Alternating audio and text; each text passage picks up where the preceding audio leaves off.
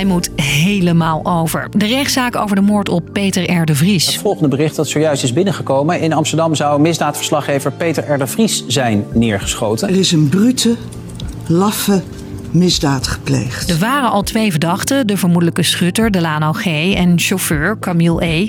Maar omdat een rechter plots vertrok, moet die hele zaak opnieuw. Hoe dat zit en wat dit betekent voor het proces, leg ik Dielke je uit. Verhaal kort. Een podcast van NOS op 3 en 3FM. Ik vind het gewoon niet kunnen. Het kan gewoon niet in ons land. Ja, verschrikkelijk. Dat, dat je gewoon als journalist ook niet je werk kan doen. Dat je gewoon wordt neergeknald als uh, iemand het er niet mee eens is. 6 juli 2021. Op die dag wordt misdaadjournalist Peter R. de Vries neergeschoten. Op straat in Amsterdam. De Vries overlijdt ruim een week later. Meteen na de aanslag gaat de vermoedelijke dader er vandoor in een vluchtauto met chauffeur, maar heel ver komen ze niet. Die vluchtauto is op de A4 ter hoogte van Leidsendam staande gehouden. En daarbij zijn ook twee verdachten aangehouden. Die twee verdachten, dat zijn Delano G, dat is de vermoedelijke schutter, en Camille E, dat is de vermoedelijke chauffeur. En beide ontkennen alles.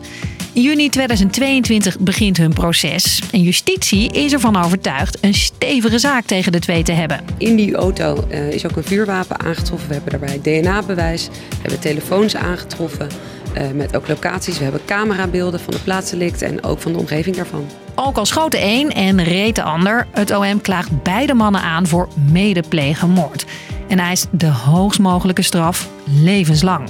In juli zou er een uitspraak komen, maar op het laatste moment komt er een plot twist die tot vertraging leidt. Aanleiding is een nieuwe getuige die Ridouan Taghi in verband brengt met de moord. Ja, Ridouan Taghi. Die naam ken je misschien nog wel. Hij is hoofdverdachte in een grote strafzaak over een hele hoop moordopdrachten.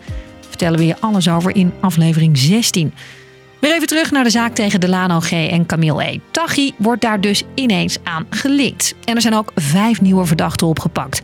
Een van hen zou de moord hebben georganiseerd en banden hebben met Taghi. Allerlei nieuwe ontwikkelingen dus. En daarom besluit de rechtbank die uitspraak uit te stellen en de zaak te heropenen. Dat zorgt dus al voor vertraging. Maar er is nog iets aan de hand wat die zaak ingewikkeld maakt. Je hoort onze rechtbankverslaggever Remco Andringa. Intussen uh, bleek dat een van de rechters uh, die de zaak van Peter R. de Vries behandelde... Uh, meteen na de uitspraak naar, naar het buitenland zou verhuizen. Um, die uitspraak ging niet door, maar de rechter is toch vertrokken. Ja, en wat staat er dan in de wet, Remco? dat een rechtszaak in zo'n geval opnieuw behandeld moet worden.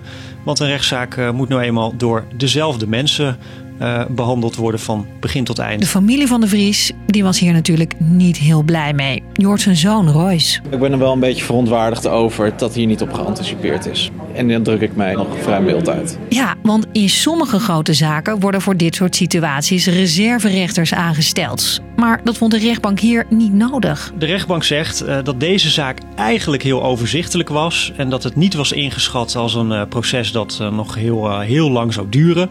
Bovendien zijn er ook grote achterstanden hè, in de rechtspraak. er zijn al te weinig rechters, dus, dus daarom is ervoor gekozen dat in de PTR de Vrieszaak niet te doen. Er was nog één uitweg. Als alle betrokken partijen het eens werden dat de zaak niet opnieuw moest, konden ze door. Maar... Vandaag bleek uh, dat de advocaat van één van de verdachten vond uh, dat de zaak overgedaan uh, moet worden. En ja, omdat er één partij was die het niet zag zitten om door te gaan, kon de rechtbank ook niet anders dan beslissen de zaak over te doen. Begint alles dan weer echt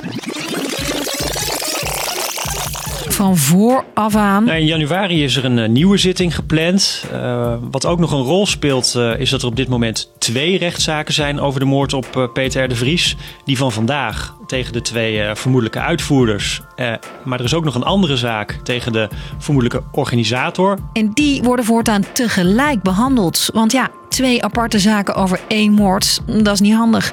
En dus wordt het straks een stuk drukker in de rechtbank met vijf of zes verdachten. En ook misschien wel nieuwe plot twists. Omdat dat onderzoek gewoon uh, nog doorgaat, uh, kunnen er zomaar ook weer uh, nieuwe verdachten opduiken.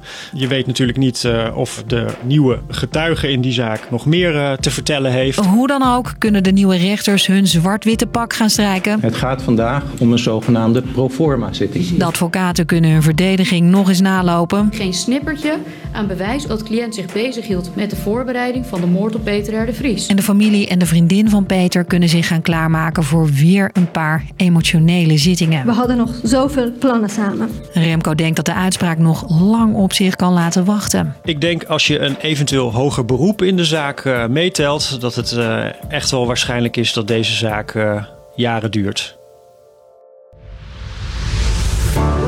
Dus lang verhaal kort wordt voor deze zaak kort verhaal lang. Door nieuwe getuigen die de moord linkt aan Taghi werd de uitspraak al uitgesteld. En toen verhuisde ook een van de rechters. En daarom moet nu de hele zaak opnieuw worden behandeld.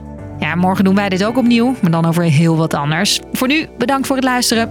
Doei!